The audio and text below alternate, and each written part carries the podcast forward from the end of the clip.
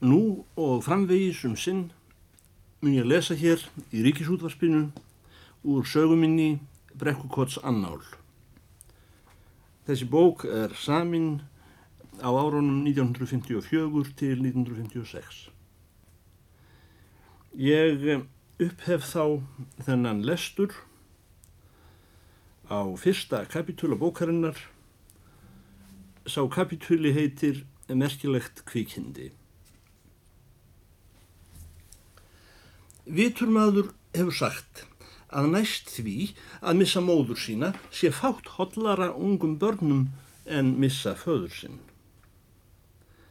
Þó því fari fjari að ég tæki undir þessi orð að öllu leiti, þá sæti síst á mér að fara að bera á móti þeim. Beint. Sjálfur myndi ég orða kenningu þessa án kala út í heiminn eða kannski öllu heldur án þess sviða sem felst í orðunum eftir hljóðan þeirra. En um, hversu sem mannum kann að þýkja um þessa skoðun, eh, þá kom það nú sem sé í minn hlut að standa uppi utan foreldri hér í heimi. Ég vil ekki kalla það lán mitt. Slikt væri ofdjúpt tekið í árunni. En óhapp get ég ekki kalla það. Að minnst að kosti ekki að því sem mig sjálfan varðar og það var að því að ég egnaðist afa og ömmu. Hitt mætti til sannsvegar færa að óhappið hafi verið mest fyrir föður minn og móður. Þó ekki vegna þess að ég myndi hafa orðið þeim neitt fyrirmyndar sonur. Öðru nær. Heldur vegna hins að börn eru nú einu sinni þarfari foreldrum en foreldrar börnum. En það er annar mál. Til þess að gera nú langa sögu stutta. Þá er þar til máls að taka að sunnan við kirkjugarðin í höfustafnum okkar tilvonandi þar sem brekkan fer að lækka við siðri tjarnarendan, alveg á blettinum þar sem hann Guðmundur Guðmundsen, svonur hans Jóns Guðmundssonar í Guðmundsens húsi, reisti uh, loks veglegt hús. Þar stóð eins og lítill torfbær með tveim bustum og þýlinn tvö vissu suðra tjörninni. Þessi litli bær hétt í brekkukoti. Í eh, þessum bæ átti hann afi minn heima. Hann Björn sálu í brekkukoti sem veiti stundum hrokkilsin á vorin og hjá honum svo kona sem hefur staðið mér nær en flestar konur þó ég vissi fara um hana hún amma mín. Þetta litla moldarhús var ókeipis gistiherbergi handa hverjum sem hafa vildi. Í það mund sem ég var að verða til, þá var þar í kotinu mikil örtröð af því fólki sem nú á dögum heitir flóttamenn. Það er að flýja land. Það leggur á stað með tárun úr heimkinnum sínum og ættbyggð af því svo illa er að því búið heima fyrir að börn þess ná ekki þroska heldur degja. Og þá gerist það einhvern dag að því er ég hef frétt að þar ber að gardi konun okkra, unga, einhver staðar að vestan eða norðan eða jafnvel austan. Þessi kona var á leið til Amríku af fátæktarsökum sínum og einstæðingskapar á flótta undan þeim sem reðu fyrir Íslandi. Mér hefur verið sagt að borgað hafi verið undir konuna af mormónum en það hef ég samspurt að í þeim flokki séu ágæðtastir menn einhverjir í vesturheimi. Nefna þessi kona er ég nú nefndi til sögu. Hún gerir sér lítið fyrir og verður léttari á meðan hún stendur við þar í brekkukoti að býða eftir skipi. Og þessi kona, þegar hún um, hefur aðlið barn sitt, þá verður henni lítið á sveinin og segir hún þá svo. Þessi drengur skal heita Álður. Ég myndi nú skýra hann grím, sagði þá amma mín. Þá skulum við kalla hann Álf Grím, sagði móður mín. Og það eitt sem kona þessi hefur gefið mér fyrir utan líkam og sál, það er þetta nafn, Álf Grímur. En svo allir föðurlausir menn á Íslandi var ég kallaður Hansson. Síðan skildi konan mig eftir nakinn með þetta einkennlega nafn í fanginu á honum bytni sáluga grásleppu kalli í brekkukoti. Og hvar var bröð en nú konan þessi úr sögunni? Og nú upphef ég þessa bók. Þessum klukkan okkar gamla stendur heima í stofun í brekkukoti og er að týfa Í þessari klukku var sylfurbjalla. Sláttur hennar var með skæru hljóði og heyrðist ekki aðeins um allan bæin hjá okkur. Heldur einnig upp í kirkjugarð. En í kirkjugarðinum var önnur klukka. Hún var úr kopar. Og af þeirri klukku barst djúpur ómur á móti alla leið til okkar inn í bæ. Þannig mátti í ymsum veðrum herra samljóm af tveim klukkum í þessu moldarhúsi, annari úr sylfri, hinni úr kopar. Á klukkunni okkar er útflúruð skífa og í miðju útflúrinu verða lesin þau orð að þessa klukku hefði smíðað herra James Cowan sem lifði í Edinaborg árið 1750. Klukkan var eflaust smíðuð til að standa í öðru húsi en brekkukottsbænum. Því það hafði orðið að taka neðan af henni stöpulinn svo hún kæmist fyrir undir loftinu okkar. Þessi klukka tifaði hægt og virðulega og mér bauð snemma í grun að ekki veri mark takandi á öðrum klukkum. Úr manna virtust mér eins og ómálga börn í samanbyrði við þessa klukku. Sekundurnar í annara manna klukkum voru eins og hraðskreiðar pöttur í kapplaupiði sjálfar sig en sekundurnar í sigurverkinu hjá afa mínum og ömmu þær voru eins og kýr og fóru æfinlega eins hægt og und er að ganga án þess að standa þó kýr það var segin saga ef eitthvað var um að vera í stofunni Þá heyrðist aldrei í klukkunni frekar hún verið ekki til.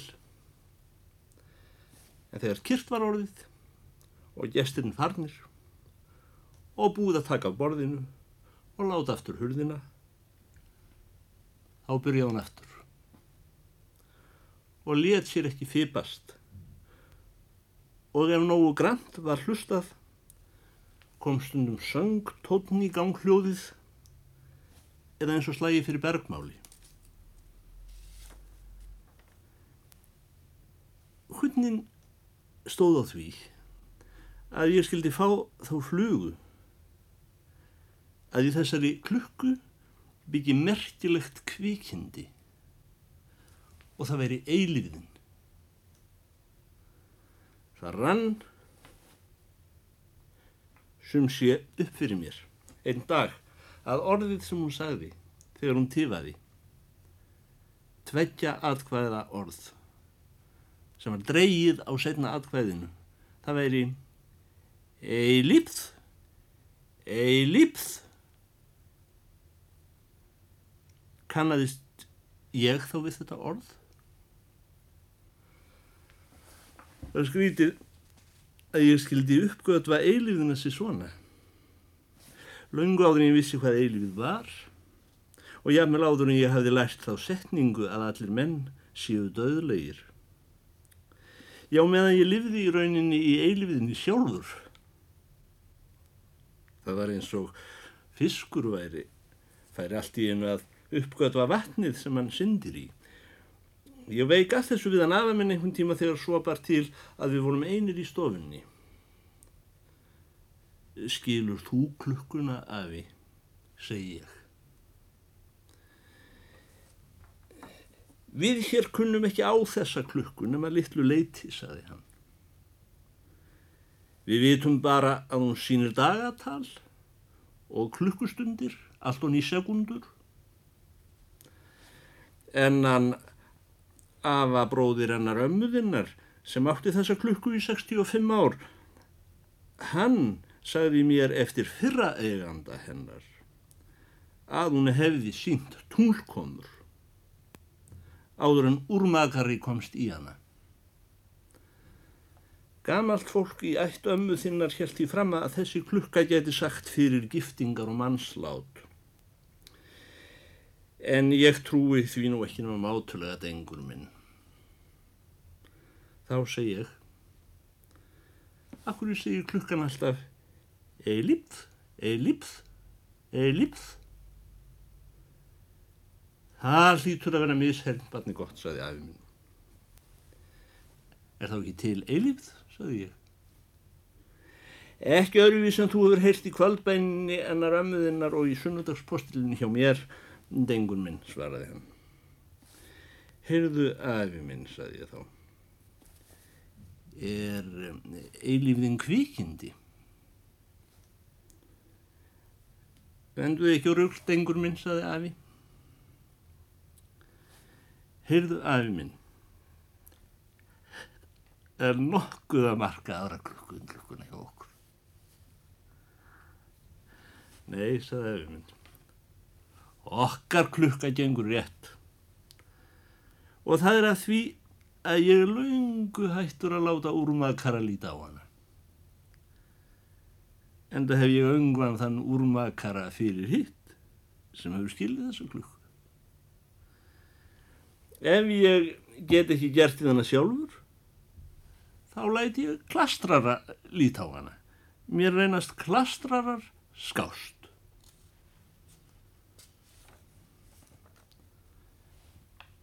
Annar kapitúli Góð tíð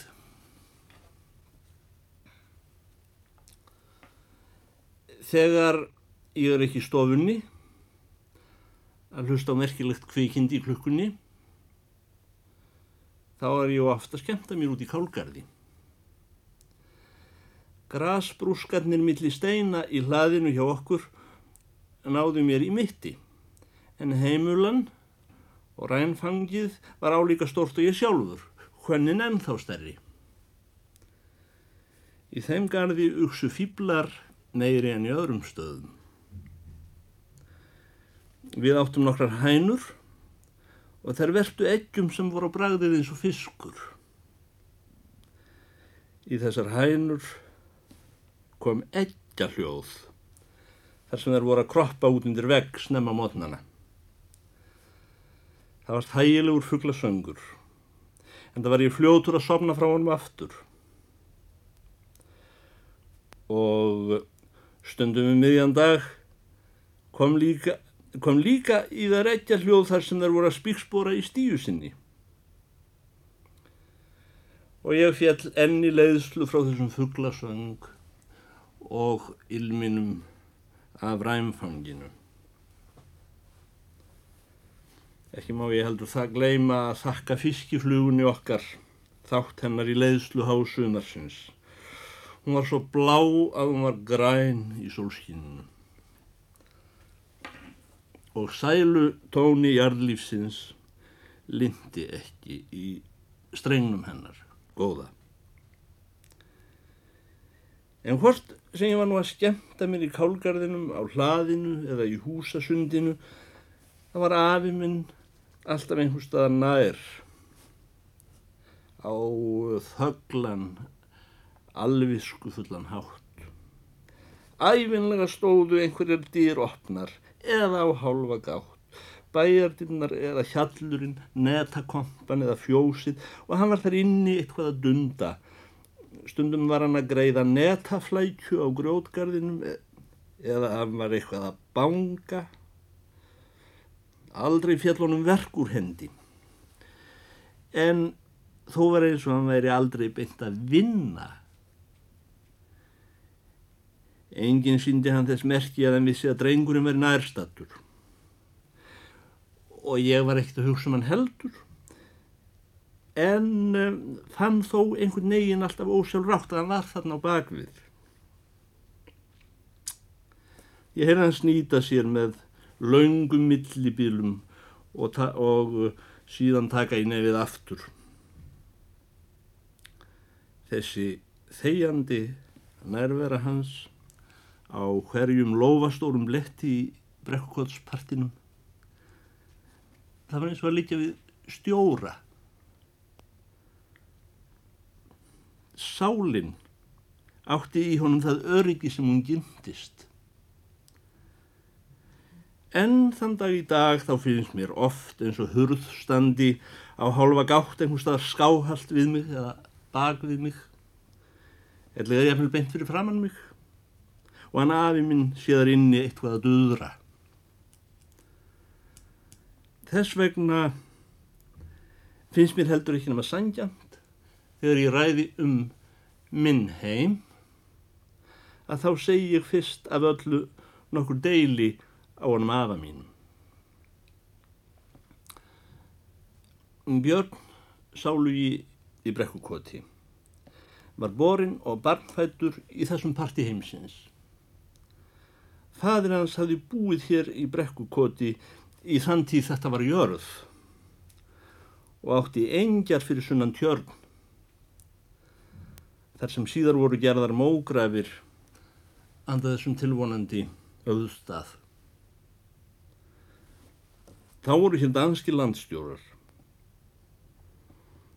en í upphafi minnarsögu er komin innlendu landshöfðingi sem kallaður var konungsráðgjafi af því að hann stóð undir húsbóndavaldi Danakonungs sem og alþingis nefna svo er áttið að heita hér. Þegar afi minn fætist voru ekki nema tæp 2000 manna í þessum höfðstað. Í minni bensku voru þeir farnir að nálgast 15.000.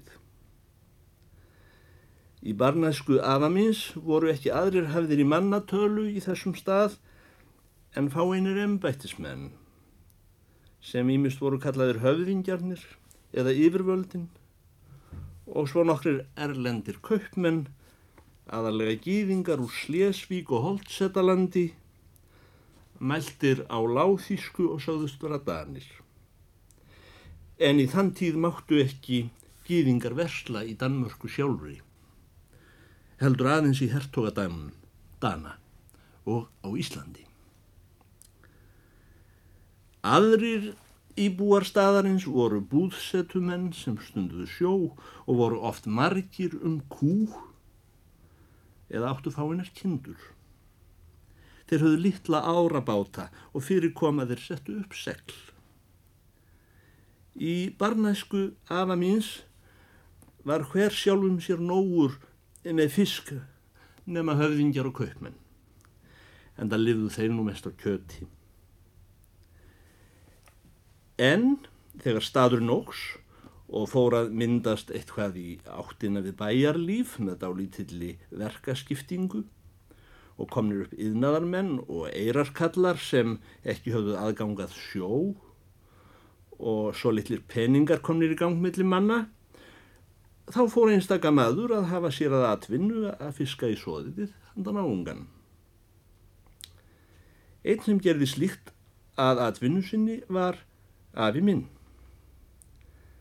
Hann var ekki útvegsmaður í þeim skilningi að hann hefði nokkuð um sig.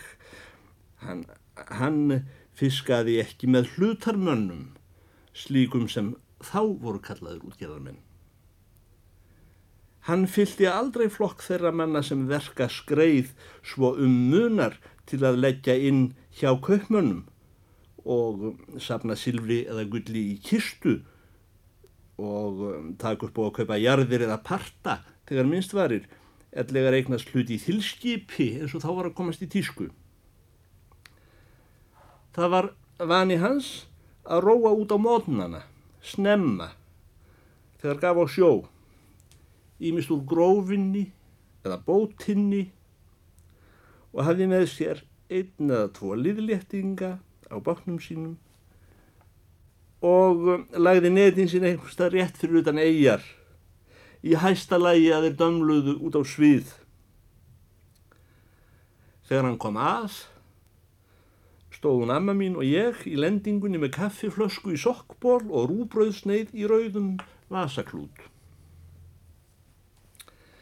Síðan óg afi minn á stað með aflan í hjólbörum og selda niður í bæ, gegn borgun, út í hönd á götunni eða við dýr manna.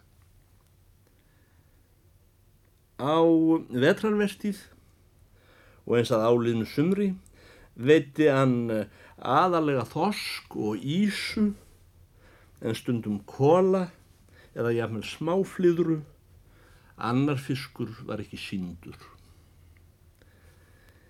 Það sem ekki seldist um leið verkaði afi minn heima og hengdi upp á rár úti í hjalli og herti í skreið. Þegar kom fram á útmánuði hætti hann að róa til fiskjar sem kallað var og fóra stundar hrottjelsi. Þau sótti hann út í þaran, ímist í skerjafyrði eða út við granda. Ég veit ekki hvort menn vita almennt að hrottjelsi skiptast í tvo flokka, grásleppu og rauðmaga. Rauðmagin er einn litfegustur fiskur sem sögur fara af og allt því skapi bræðgóður, en grásleppan þykir lakari og er venjulega sett í salt. Þeir sem veiða hrottjelsi eru aldrei nefndir rauðmagakallar, alltaf grásleppukallar og slíkur kall var afi minn. Þá er talið vor á Suðurnesjum þegar rauðmægi fer að glæðast og skín á barklítuð seglin hjá fransmönnum út á flóa.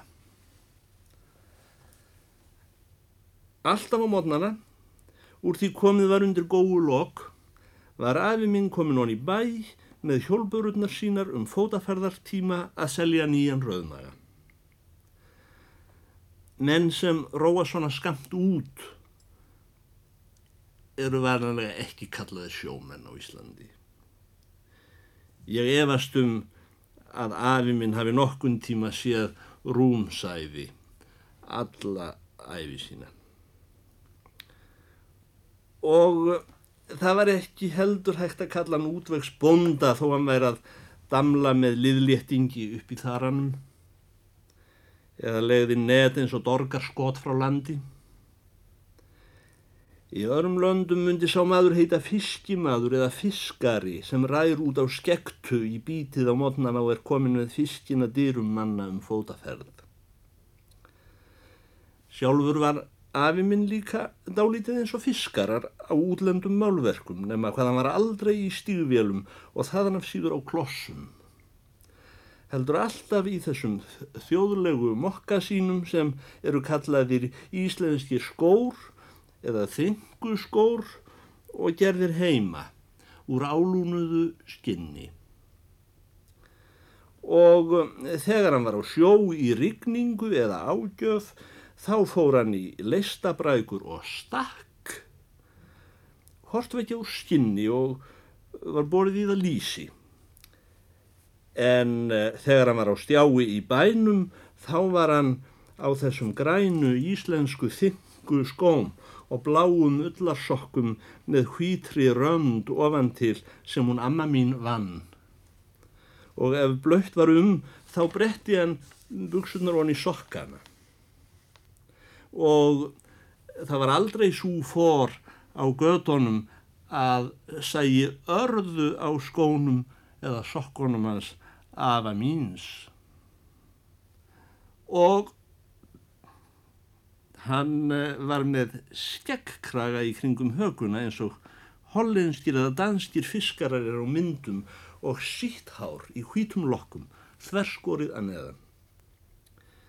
Og þegar hann var ekki með suðvestið sitt, þá var hann með barðastóra svartan hatt af því tægi sem kallaður eru guðfræðingahattar í Þískalandi en listamannahattar í Danmörku með lágum brotnum kolli og rauðu silkifóðri innan í.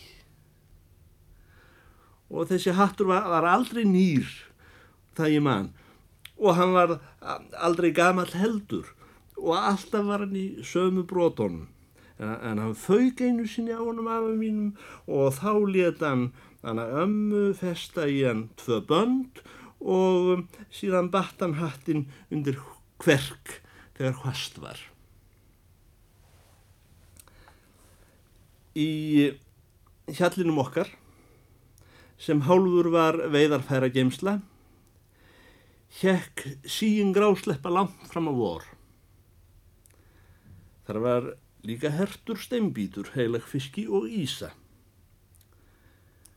Stundum var afi minn að bræða líður í opnum hlóðum sunnan undir hjalli. Þræslu lyktinn af grásleppunni á samt þef af lifur, lísi og grút blönduðust ilminum af grasi sem var að spretta og af rænfangi og æti hvönn og móreiknum og strampinum hjá henni ömmu. En um það bíl sem flugan fór að verpa varð skreiðin að vera verkuð því þá var hjallurinn tendur. Sér hver steinn í bæjarvegnum hjá okkur glitraði að fiskreistri og slikt þið sama rimladnir í hjallinum og mókögladnir í móhlaðanum okkar norðan í hjallin. Það glitraði líka á hreistur í fórinni sem var millir hjals og bæjar þegar blöytt var um. Og sér hver hlutur í okkar landareign var rjóðraður, lifur og lísi, allt í frá kross spítunni sem snerist lárétt um öksulsinn í garðsliðinu okkar bak við bæin.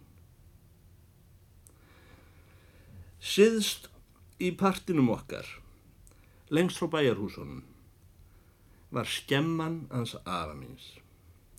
Einnig hún var hólfuð í tvent og fjala gólfi í öðrum endanum, þar var geimt alls konar vara. Því hjá okkur var síður að kaupa allt til heimilis á missiris fresti. Kjöt sölduðum við í tunnu til ársins. En í hinnum enda skemmunar byggðu þau gráni okkar og skjalda. Grútarliktinn og reykjarsvælan hjá okkur var því ekki aðeins blandin ilmi af grasi, heldur og af hesti og kú. Og sömardagurinn heldur áfram að líða.